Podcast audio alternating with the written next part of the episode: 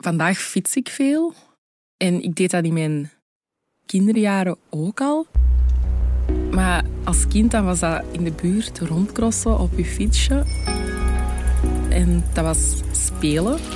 En uh, mijn ouders hadden ook een fiets. En die fiets die, die werd dan gebruikt voor tochtjes als wij eens met de veerboot naar een gemeente aan de andere kant van de Schelde gingen. Ja, ons leven dat was heel erg rond de kerktoren. Tot ik in de stad naar school ging. Ik had een, een, ja, een klikje vriendinnen en die woonden eigenlijk allemaal in dezelfde wijk. Een wijk met heel veel mooie herenhuizen. En ja, dat is, je voelt meteen dat dat anders is. Daar staan allemaal fietsen in de gang. En dan was dat echt zo van... Ah, jullie fietsen ook niet per se voor jullie plezier. En ik denk dat ik toen zelfs nog niet stil stond bij klimaat. Dat hoorde bij heel dat stedelijke imago. En die mensen die gingen dan naar theater s'avonds en naar allerlei musea.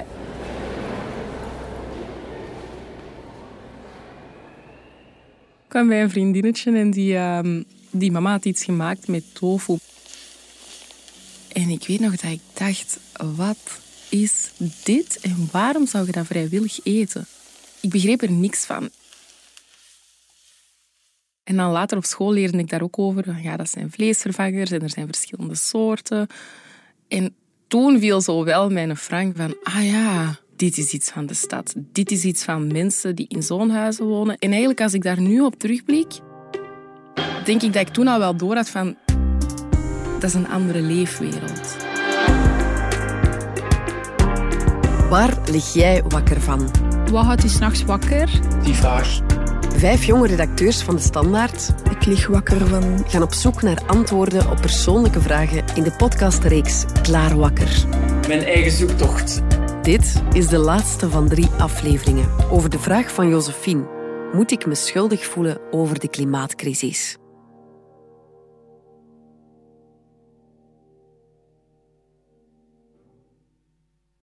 Als tiener kon ik het nog niet goed benoemen, maar ik zag het wel. Ik zag dat sommige duurzaamheidskeuzes sterk samenhangen met sociale achtergrond en dat niet iedereen dezelfde keuzes kan maken.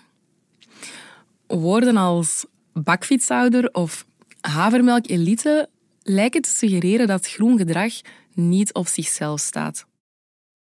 Ik denk dat er iets van aan is, omdat ik zelf zo iemand geworden ben en besef dat het misschien wel deel is van een specifieke levensstijl. Of heb ik het mis? Mm, goeie vraag. Ik ben op bezoek in het atelier van handtassenontwerpster Lies Mertens. Yes. Nou, ik ben naar moment. En jij? Uh, ja, ik vind... Uh, ik, ben, ik ben zelf uh, meer altijd achtergrond liever. En dat is, dat is super um, onlogisch gezien dat mijn merk mijn naam heeft. Ik vraag haar welke rol duurzaamheid speelt in haar dagelijks leven. Hoe groen is Lies? Ik kom uit um, ja, een gezin in de Kempen en mijn mama is er totaal niet mee bezig. Allee, die houdt van fietsen en tuinieren en alles in de oven, bloemetjes en dit en dat. Maar ja, die gaat dan wel zo met een auto naar de supermarkt. Dus ik ben daar totaal niet mee opgegroeid. Ja, en ik denk dat gewoon zo, ook door klasgenoten, door, door dan alleen te wonen, door meer keuzes en beslissingen zelf te moeten maken, dat ik daar denk ik, toen dat ik mijn merk startte in 2017, dat dat een beetje een evidentie was, dat ik dat op zoveel mogelijk manieren zo goed mogelijk zou proberen doen. En dan heb ik bijvoorbeeld uh, ben ik gebotst op zo'n bioleer uit Portugal. Mhm. Dat echt zo een supergoeie verhaal had. Alles eigenlijk energie-neutraal en van looiproces waren echt alle stappen supergoed. Dus ik dacht echt, amai, ik heb hier een kei goede partner gevonden. Ik ga daarmee aan de slag. Ik, ik breng mijn collectie volledig in dat leer uit. Maar dan merkte ik bijvoorbeeld dat um, in het verouderingsproces van dat materiaal, dat sommige van die tassen totaal niet mooi verouderden. En levensduur vind ik zeker even belangrijk in een duurzaam verhaal als het materiaal. Dus dan ben ik veranderd. Mhm. Want allee, leer is inderdaad het is een dierlijk product. En ik ben ervan overtuigd dat veeteelt heeft een super belastende impact op klimaat. Dus dat wij eigenlijk met z'n allen wel minder vlees moeten eten. En als er minder vlees wordt gegeten, gaan er ook dan minder huiden zijn. Maar heel cru gezegd, zolang mensen ook nog vlees eten, blijven er ook huiden. Want leer blijft een, een restproduct uit de vleesindustrie. Dus er is nooit zo precies één kant-en-klare oplossing. Want elke keer dat je dan weer denkt, oké, dit is nu denk ik heel goed, zijn er sowieso altijd wel weer nieuwe dingen die dat je ontdekt. Of ook nieuwe materialen die uitkomen. Of waarvan je denkt, ah, deze is interessant. Dus je kunt je alleen maar, denk ik, continu blijven bijschaven in wat je doet. Duurzaamheid is dus de rode draad in alles wat Lies maakt. Al kopen mensen haar producten in de eerste plaats omdat ze ze mooi vinden, omdat ze aansluiten bij hun smaak en dus wordt het ook iets waarmee ze hun persoonlijkheid uitdrukken. Zeker kleding is ook heel erg iets expressief. Handtassen ook. Handtassen is dan zelfs nog een accessoire dat je een outfit versterkt. Allee, dat zijn ook bij bijvoorbeeld de grote merken van Celine en zo, zijn handtassen ook echt het statussymbool, het ding waar ze mee uit, uitpakken. Duurzaamheid is voor Lies vooral een werkwijze. Geen creatieve strategie of doel op zich. We hebben een super uiteenlopend cliënteel van echt midden twintig tot echt omaatjes van in de tachtig, die vroeger bij Delvaux kochten. Maar het is wel deel van haar verhaal. En ze merkt dat haar producten in sommige kringen wel erg in de smaak vallen.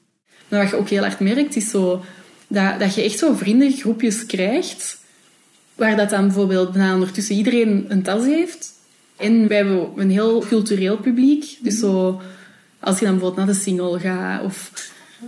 Allee, bijvoorbeeld, dan weet ik op voorhand dat ik echt zo... Ah ja, daar, daar, daar, daar. En dat is inderdaad zo echt deel van, van een persona. Dat dat zo inderdaad mee uitstraalt van... Kijk, ik draag bij aan een duurzame levensstijl. Dat is niet iets dat ik ooit zo heb bedoeld, maar ik denk dat dat wel zo wordt, wordt gepercipieerd. Lies ziet dus ook wat ik zie. Zou er een wetenschappelijke basis zijn voor wat wij denken te zien? Ik vraag het aan Harriet Bergman, de onderzoekster uit aflevering 2 die vertelde over klimaat, emoties en privileges. Dus in dat hele individuele verantwoordelijkheidsverhaal zit ook een heel groot klasseaspect. Van bepaalde mensen kunnen dingen betalen of niet. Maar ook, het is heel vaak bijna performatief. Performatief. Duurzaamheidskeuzes als deel van een performance, een rol of een gelegenheidsoutfit. Maar is dat erg? Elke klimaatbewuste inspanning is een goede inspanning, toch? Niet helemaal.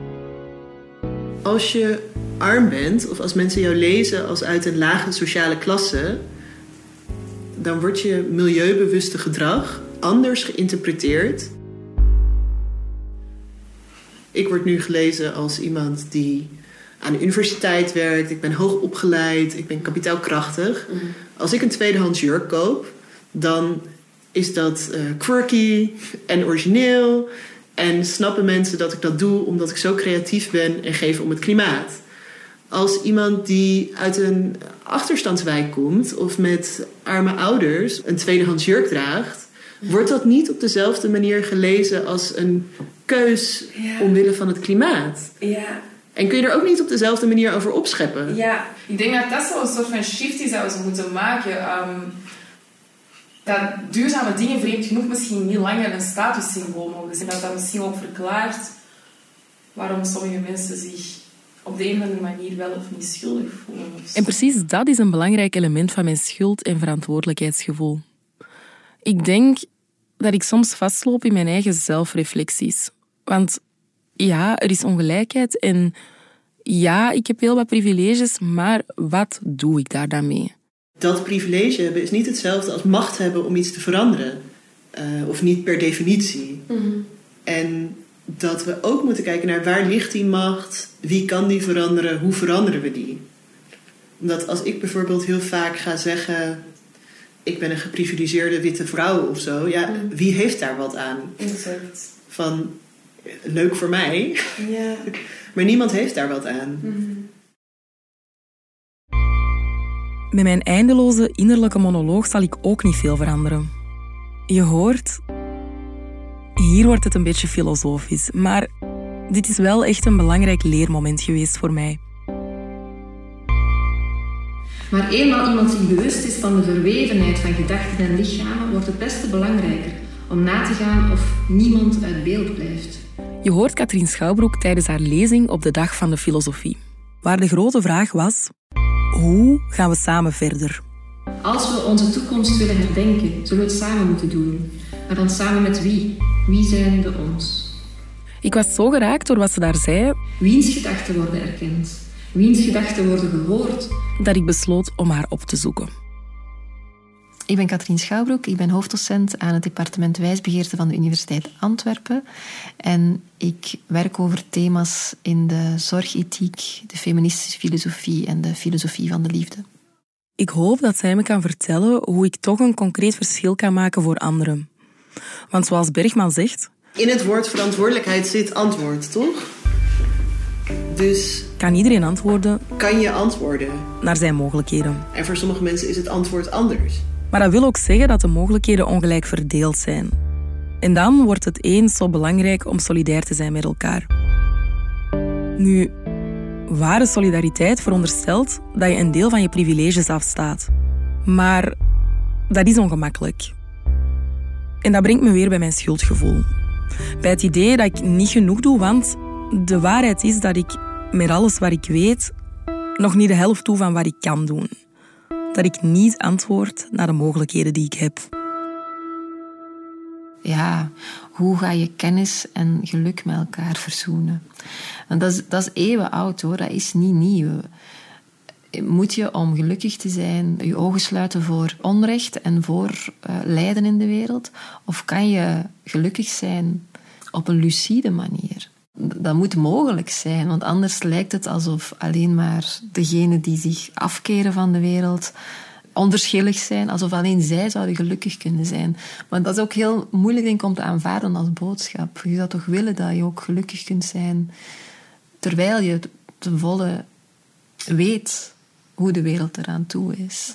Vroeger werden jonge mensen vergeleken met narcisten, met narcissus, mensen die naar veel te lang met zichzelf of te veel met zichzelf bezig zijn, in de spiegel kijken en op Facebook zitten enzovoort. En nu is eigenlijk die figuur van Atlas, degene die de wereld op zijn schouders torst, voor veel jonge mensen een beter symbool. en dat zie ik bij mensen rondom mij. Ja, het is misschien een select publiek, maar ik denk ook dat het toch wel herkenbaar zal zijn voor eh, een breder deel van de samenleving. Jonge mensen die lijden onder allerlei verscheurende keuzes en, hun, en zich schuldig voelen bijna omdat ze bestaan. En, en dat vind ik heel erg eigenlijk. Dat, dat is ook niet de bedoeling. Als, dat kunnen we niet vragen van elkaar, dat we ons verontschuldigen voor het feit dat we bestaan. Oké, akkoord, maar de realiteit is wel dat er in de klimaatcrisis echt veel mensen over het hoofd worden gezien. En volgens activisten zoals De Wever, maar ook de Oegandese klimaatactiviste Vanessa Nakate, is klimaatrechtvaardigheid het antwoord.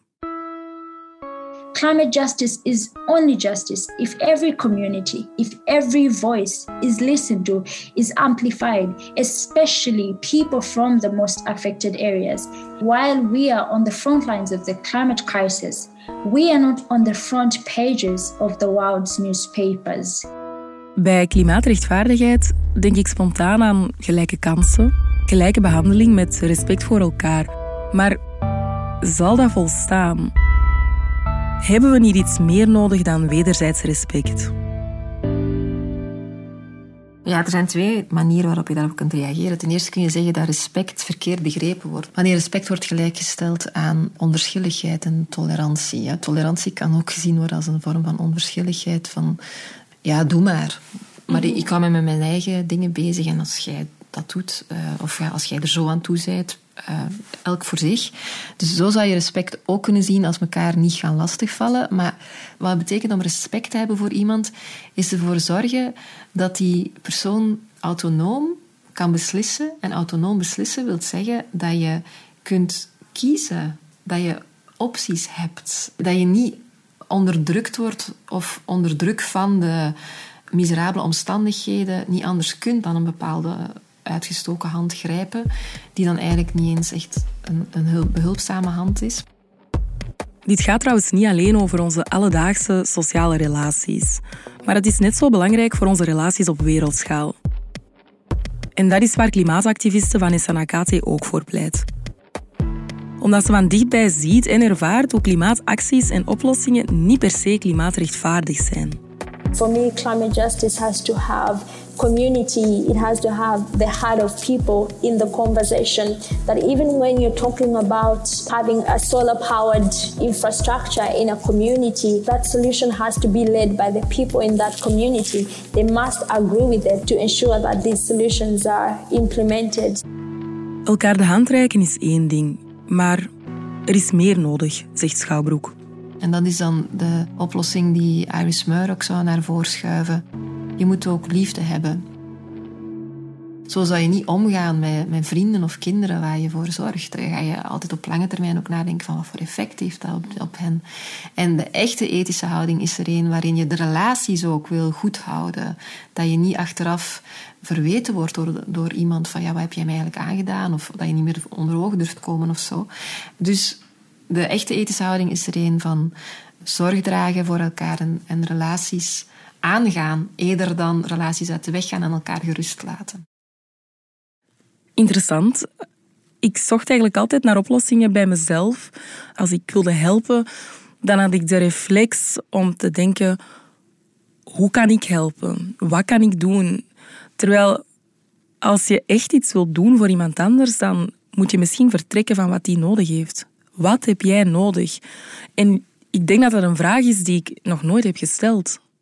En dat leek mij een goede correctie voor de narcistische persoonlijkheid, maar ook de atlaspersoonlijkheid, degene die de wereld op hun schouders torsen. Ik denk dat dat ook voor hen ehm, nog altijd nuttig kan zijn om te denken aan manieren om aan hun leven betekenis te geven door bij te dragen en te bouwen aan constructieve gemeenschapsprojecten. Mhm. En dan ga je misschien iets verder gaan dan groentjes kweken in je eigen tuin. Ja. Want dat is Ja. dan weer echt wel voor uzelf. Mhm.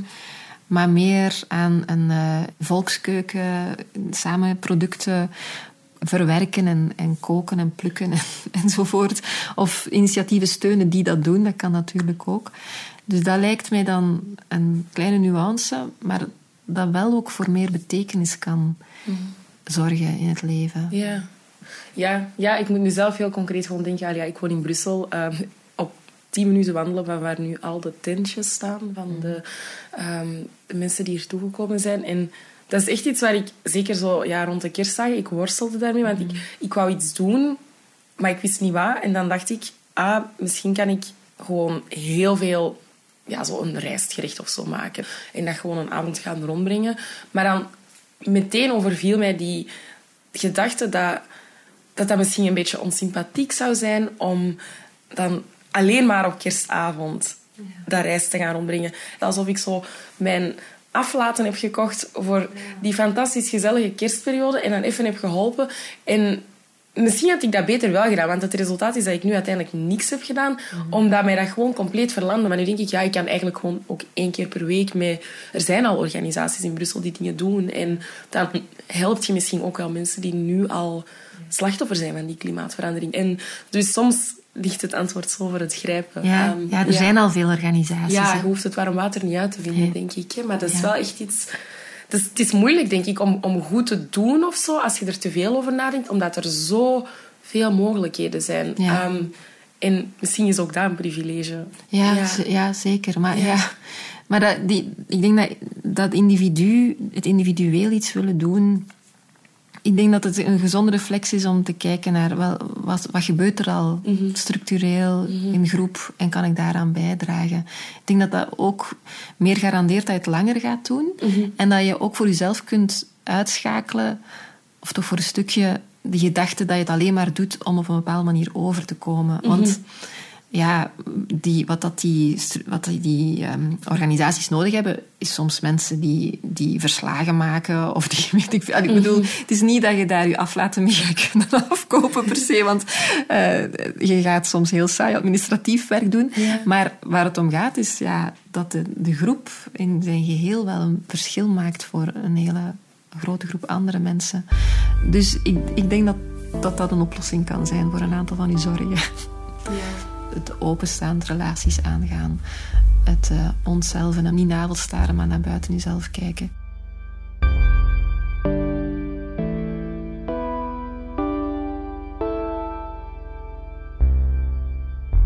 Moet ik mij nu schuldig voelen over de toestand van het klimaat? Na drie afleveringen kan ik eigenlijk niet zeggen dat ik daar een, sluitend antwoord op heb. Maar ja, ik heb natuurlijk wel geleerd dat schuld en verantwoordelijkheid niet hetzelfde zijn.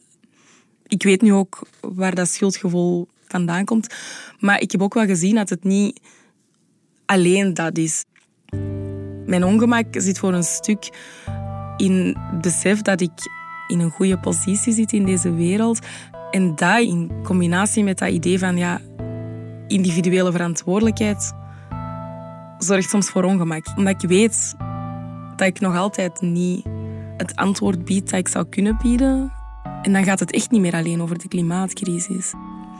Mijn probleem is gewoon dat er, er veel onrecht is en dat dat in de klimaatcrisis nog eens extra naar boven komt. Dat die klimaatcrisis bijna als een vergrootglas of zo werkt op de ongelijkheden die er al waren. En dat komt gewoon, denk ik, heel veel samen in mezelf. Ehm, ik, ik, ben een kind van migranten uit Sub-Sahara-Afrika. Ik ben hier geboren. Ik word wekelijks geconfronteerd met het grote verschil in referentiekader tussen mijn ouders en ik als kind van het Westen. En toch ook wel voor een stuk diezelfde culturele bagage als mijn ouders hebben. Dat is heel ingewikkeld, maar het is wel een zeer belangrijke verklaring geweest van schuldgevoel dat ik soms had bij ja, de privileges die ik heb. In dat opzicht is mijn initiële schuldgevoel misschien nog niet zo slecht, denk ik. Omdat het mij scherp houdt en omdat het mij eraan herinnert dat er nog veel te redden valt nadenken over je positie, over je privileges, over het geluk dat je hebt, dat is één ding. Maar wat kan je daarmee doen? En ik denk dat ik nogal makkelijk de neiging had om op mezelf terug te plooien. Zo te denken, wat kan ik doen? Hoe moet ik dat doen? Altijd vertrekken vanuit uw eigen context, uw eigen kijk en bril op de wereld. Terwijl ik kan natuurlijk alleen voor mezelf spreken, maar ik denk dat ik ergens onderweg ben afgeleerd om rond mij heen te kijken.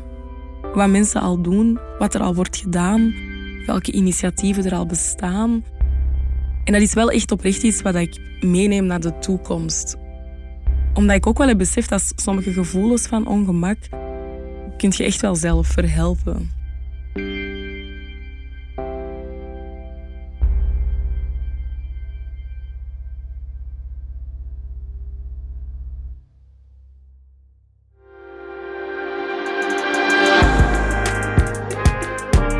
Dit was de laatste aflevering van de driedelige podcast van Josephine Napa.